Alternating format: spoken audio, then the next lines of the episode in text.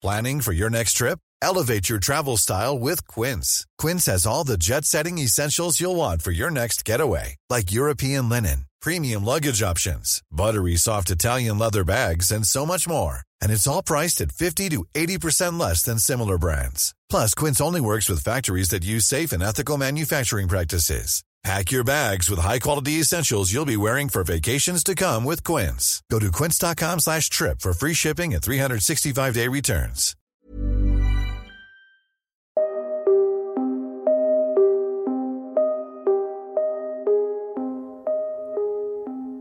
Velkommen til en ny episode av Nordnorsk historie. I dag så skal vi bli kjent med historien om Philip Philipson, en av de to jødene som ble deportert under andre verdenskrig fra Finnmark. Reporter Jan Einar Strømsnes har besøkt Andrid Oline Hohjem og Jan Trygve Bergsåker ved Berlevåg havnemuseum, og det skal vi få høre mot slutten av programmet. Men eh, først så skal vi ha litt om den jødiske historien i Norge.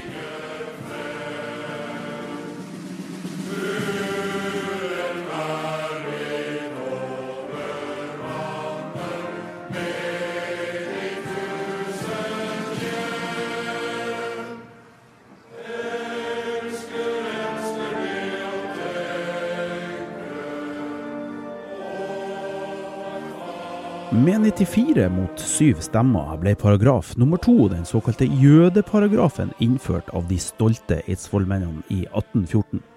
En egen paragraf som skulle hindre jødene innreise til det fantastiske etniske rene Norge. Ikke en tilleggsparagraf, et ekstra ledd eller en bisetning, nei, faktisk paragraf nummer to. Det er ganske utrolig å tenke at antisemittismen satt så hardt allerede da. Men så eh, var den jo kanskje like gammel som kristendommen, hvem vet?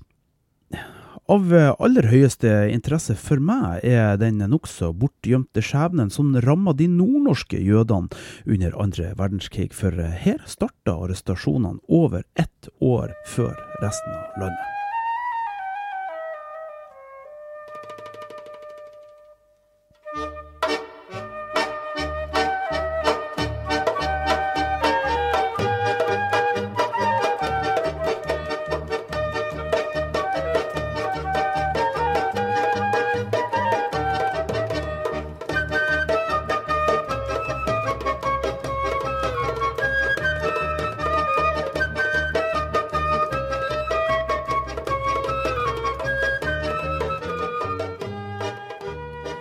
Det jødiske folk er opprinnelig fra Midtøsten, men er blitt spredd over store deler av verden.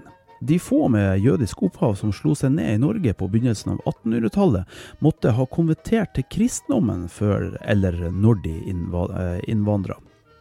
Mens danske jøder i 1814 ble innrømma alminnelige borgerrettigheter, som det heter, så gikk altså grunnlovsforsamlinga på Eidsvoll samme år motsatt vei.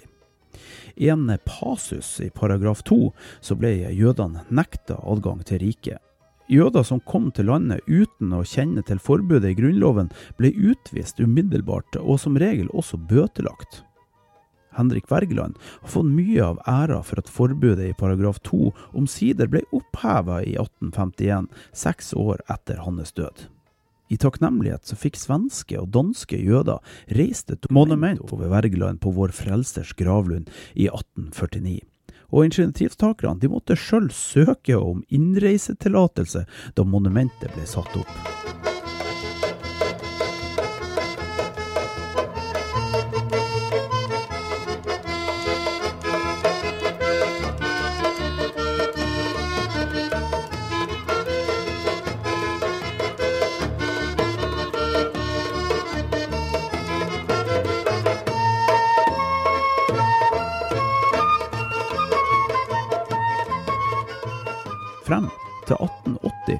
Kun noen få jøder, og hovedsakelig såkalte handelsborgere fra Danmark og Tyskland, som etablerte seg i Norge. Først fra 1880 og inn i 1920-årene ble den jødiske innvandringa av en viss størrelse. Ca. 1200 personer kom i løpet av disse tiårene fra områdene som i dag er Litauen, Latvia, Ukraina og det nordlige Polen. De flykta fra undertrykking, fattigdom, tvungen langvarig militærtjeneste og tidvis grusomme forfølgelser. To til tre millioner jøder forlot, forlot eh, Tsar-Russland i denne perioden, og de fleste dro til USA, og bare et fåtall kom til Norge. Grobunnen ble likevel lagt for et lite, men aktivt jødisk samfunn her i Norge.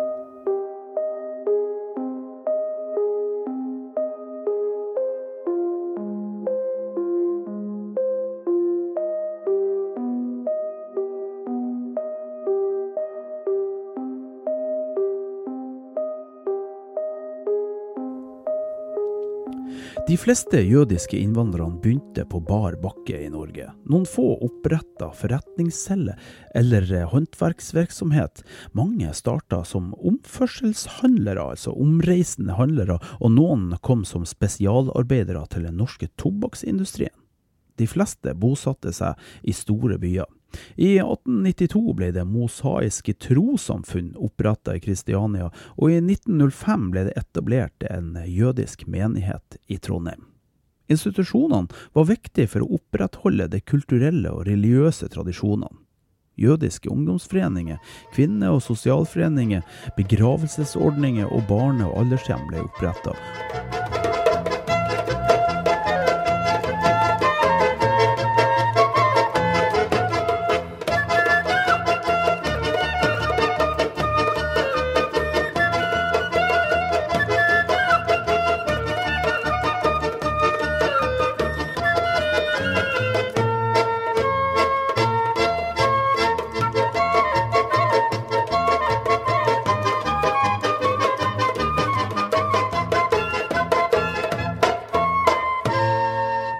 En av de mest kjente jødene som eh, kom til Norge, men som ikke ble så lenge før han eh, ble pressa ut, var Leo Trotskij, som kanskje egentlig skulle ha tatt over for Lenin.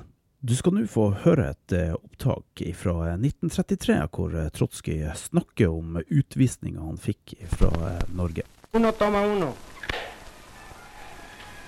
Esteemed audience, you will easily understand if I begin my short address to you in my very im imperfect English by addressing my warm thanks to the Mexican people and to the man who leads them with such merit and courage, President Cardenas. When monstrous and absurd accusations were hurled at my and my family, when my wife and myself were under the lock and key of the Norwegian government, without being able to defend ourselves, the Mexican government opened the doors of this magnificent country and say to us, here you can freely defend your rights and your honor. Naturally. Etter første verdenskrig ble antisemittismen tydeligere også i Norge. Forbudet mot den jødiske slaktemetoden, shetsha, jeg tror jeg sa det riktig, eh, den kom i 1930, og debatten i forkant hadde klare antisemittistiske undertoner. Norsk asylpolitikk på 1930-tallet var svært restriktiv, og med vanskelig for eh, jødiske flyktninger å få opphold. Natten mellom 9. og 10. november i Tyskland i 1938, kalt Krystallnatta, sjokkerte imidlertid mange nordmenn. Ved krigsutbruddet i april 1940 besto den norske jødiske befolkninga av omtrent 1700 personer, i tillegg til ca. 350-400 jødiske flyktninger fra Mellom-Europa, og deriblant rundt 40 barn som hadde kommet hit uten sine foreldre. Mer enn 150, altså nesten 10% av de norske jødene, deltok aktivt som motstandsfolk og i den militære kampen mot nazismen. Vidkun Quisling, den norske regjerings nye sjef, gir nå en erklæring til det norske folk. Norske kvinner og norske menn. Jeg skal gjenta den erklæring som jeg leste opp klokken halv åtte. Proklamasjon til det norske folk. Etter at England hadde brutt Norges nøytralitet ved å utlegge minefelter i norsk territorialfarvann uten å møte annen motstand enn de vanlige intetsigende protester fra regjeringen Nygaardsvold, tilbød den tyske regjering, den norske regjering, sin fredelige hjelp, ledsaget av en høytidelig forsikring om å respektere vår nasjonale selvstendighet og norsk liv og eiendom. Som svar på dette tilbud om løsning av en for vårt land helt uholdbar situasjon, har regjeringen Nygaardsvold iverksatt alminnelig mobilisering og gitt den hensiktsløse ordre til de norske stridskrefter å motsette seg den tyske hjelp med væpnet makt. Selv har regjeringen flyktet, etter således lettsindig å ha satt landets og dets innbyggeres skjebne på spill. Under disse omstendigheter er det den nasjonale samlingsbevegelses plikt og rett å overta regjeringsmakten for å verne om det norske folks livsinteresser og Norges sikkerhet og selvstendighet. Vi er de eneste som i kraft av forholdene og vår bevegelses nasjonale mål kan gjøre dette. I årene før krigen etablerte flere jøder seg som kjøpmenn i Nord-Norge. Slaktere og klesforhandlere var et godt og ønska tilskudd til et hungrig nordnorsk folk. Nord-Norge hadde, og har fortsatt, høy grad av toleranse for andre kulturer, og dette gjorde til at de jødiske tilflytterne ble raskt integrert i samfunnet. Tiltakene mot jødene i Norge var begrensa omfang det første krigsåret, men aggresjonen ramma spesielt jødiske flyktninger og familier i små lokalsamfunn. Noen steder ble jøder arrestert, trakassert og mishandla. Enkelte steder ble forretninger og kontorer som tilhørte jøder, spesielt merka. Jødene var de første som måtte levere inn sine radioapparat. Et yrkesforbud begynte å gjøre seg gjeldende for bl.a. jødiske advokater og kunstnere. I deler av landet ble jødiske butikker konfiskert. Den antijødiske propagandaen økte i sin intensitet etter at avisene ble underlagt tysk kontroll. Og i juni 1941 ble alle arbeidsføre menn i Nord-Norge arrestert sammen med statsløse jødiske menn i resten av landet. Jeg tilføyer at slik som situasjonen har utviklet seg, er enhver fortsatt motstand ikke bare nyttesløs, men direkte ensbetydende med kriminell ødeleggelse av liv og eiendom. Enhver embetsmann og andre stats- og kommunale tjenestemenn, og i særdeleshet alle vårt lands offiserer, i hær, marine, kystartilleri og luftvåpen, er forpliktet til å lyde ordre utelukkende fra den nye nasjonale regjering. Enhver avvigelse herfra vil medføre det alvorligste personlige ansvar for vedkommende.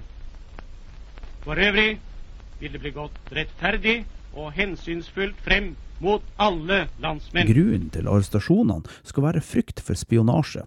Det ble hevda at jødene i Nord-Norge utførte tjenester for bolsjevikene, noe som er ganske så selvmotsigende da de fleste hadde et anstrengt forhold til myndighetene i de landene de hadde flykta fra.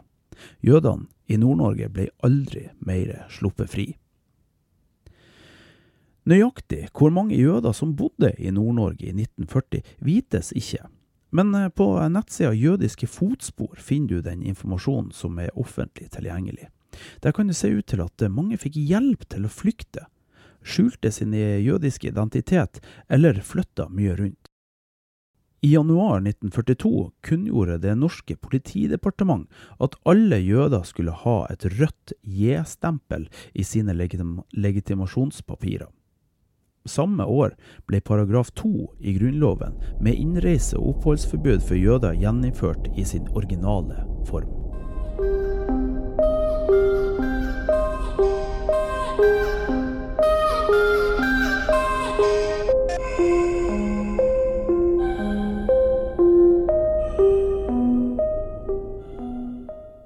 Hugo Adler, sammen med familien fra Tsjekkoslovakia, kom til Norge etter Tysklands annektering av landet. Adler var en kjent tuberkulosespesialist, og i Norge fikk han arbeide ved lungesykehuset i Talvik i Alta.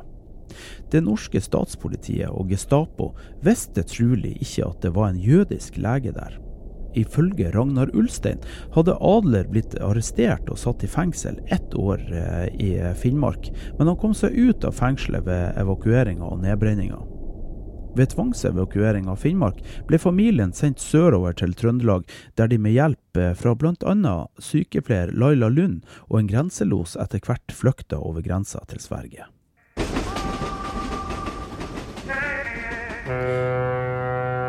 Men dessverre ble totalt 32 jøder deportert fra Nord-Norge, og svært få kom tilbake. Vi skal nå få høre historien om en som ikke kom tilbake, Eh, her er historien om Philip Philipson fra Berlevåg. Han heter Philip Philipson, og han eh, ble født i 1897 i Grajevo i Nordøstpolen.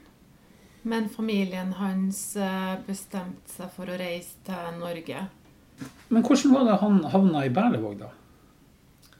Eh, familien hans bodde jo i, i Trondheim. Eh, faren drev en klesforretning der, og Philip hadde sju søsken. Og akkurat hvorfor han kom til Berlevåg og sånn, det vet ikke vi. Men eh, flere av eh, søsknene hans, og også faren, drev med forretningsvirksomhet i Finnmark og i Kirkenes, bl.a. Var det mange av jødisk i, i Berlevåg, da?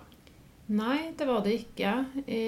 Da krigen starta, så var det faktisk bare to jøder i hele Finnmark.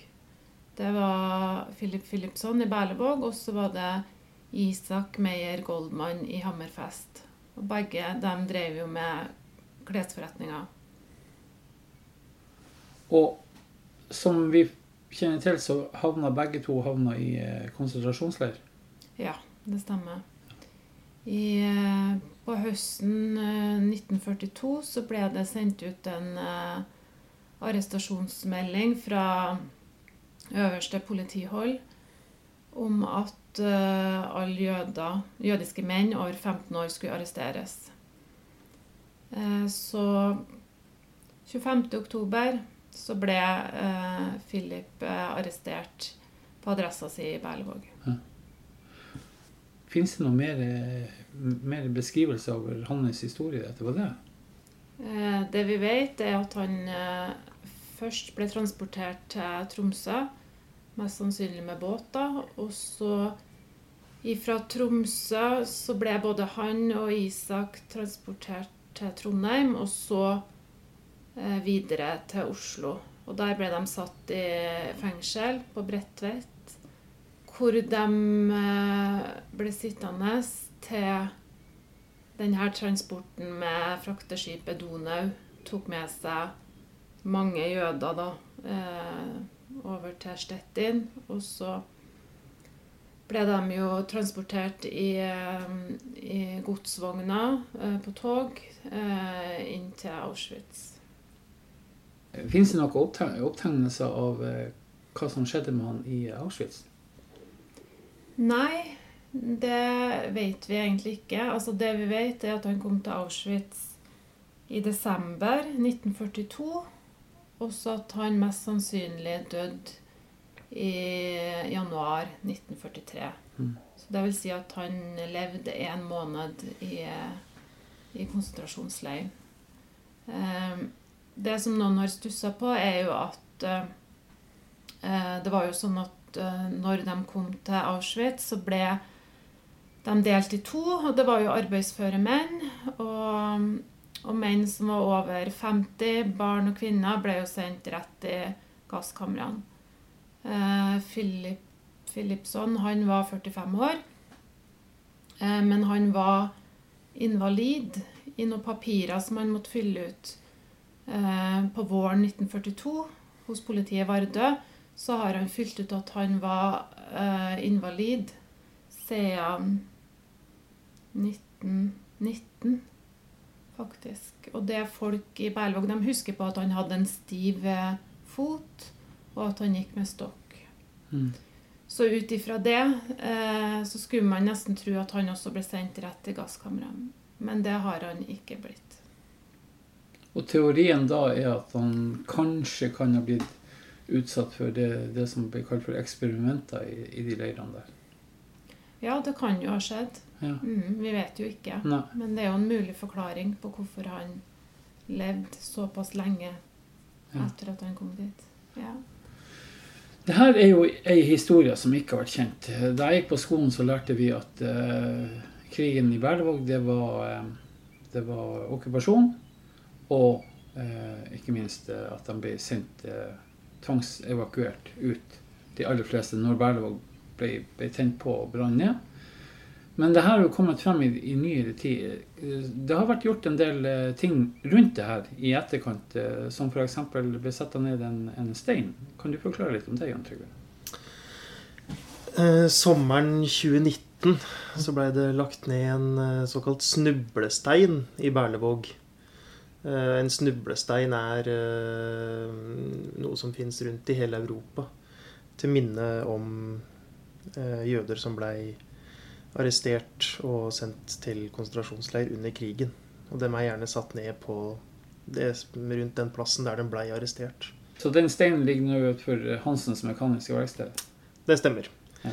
Eh, og den ble jo da lagt ned i fjor. Og det er en tradisjon at eh, de snublesteinene pusses i forbindelse med krystallnattmarkeringene hvert år. Altså krystallnatta var natt til 10. november. Så 9.-10. november så pusses dem, da. Så i år så starta vi den tradisjonen da noen elever fra ungdomsskolen i Berlevåg kom for å pusse snublesteinen til Mm. minne om Philip Philipson. Og det kommer til å bli en eh, tradisjon fremover. Ja. Det at vi har fått vite nå at, eh, at Berlevåg var en av to plasser som hadde eh, jøder som ble arrestert og sendt til konsentrasjonsleirer, det gjør jo, gjør jo litt om på krigshistorien vår. Vil ikke du si det? Det skaper i hvert fall eh, enda flere historier å fortelle fra okkupasjonsåret. Ja. Og det drar jo også Berlevåg inn i eh, Holdt på å si hele Europas krigshistorie på enda en ny måte.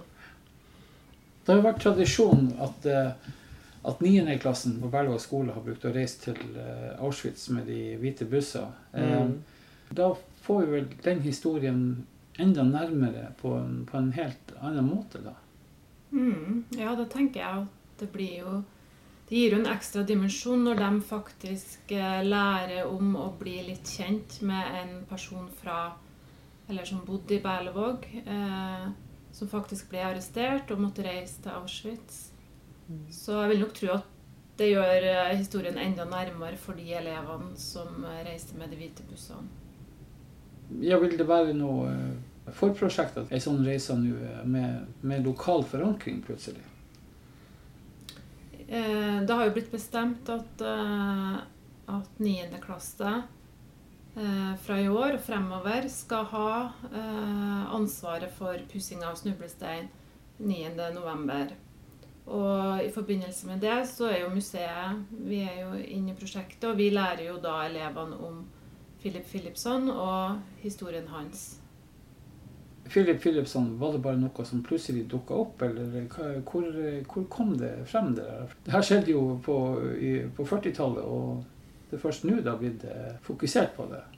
Er det noen spesielle prosjekter som har gjort at det blir fokusert på det her? Jeg tenker at det skyldes at det ble fokusert på snublesteiner.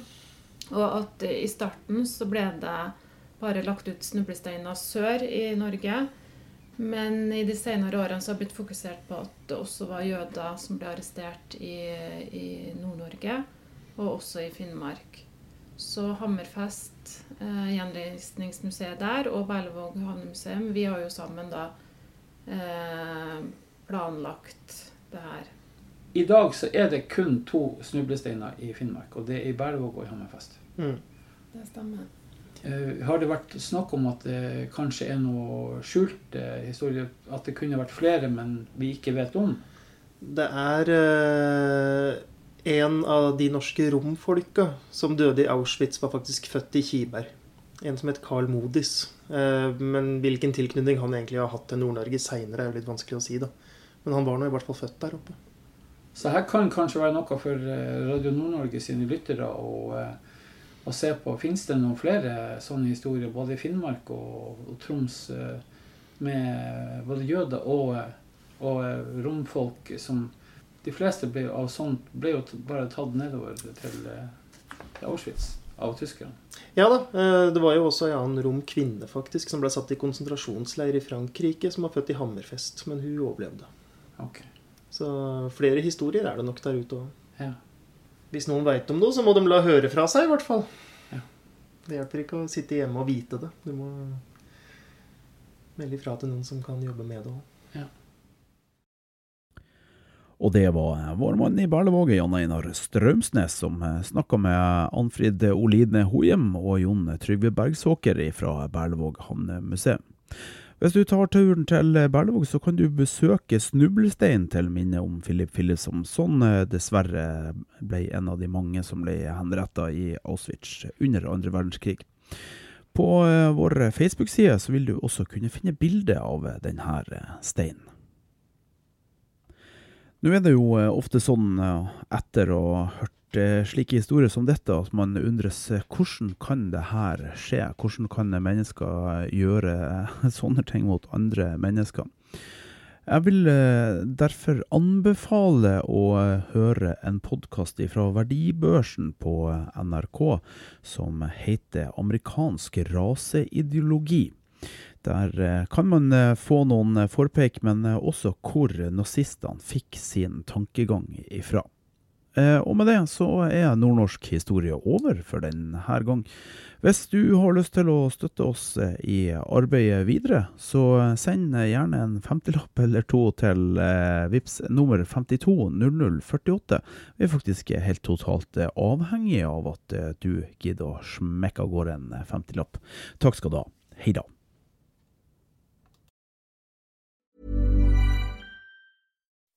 When you make decisions for your company, you look for the no-brainers. If you have a lot of mailing to do, stamps.com is the ultimate no-brainer. Use the stamps.com mobile app to mail everything you need to keep your business running with up to 89% off USPS and UPS. Make the same no-brainer decision as over 1 million other businesses with stamps.com. Use code PROGRAM for a special offer. That's stamps.com, code PROGRAM.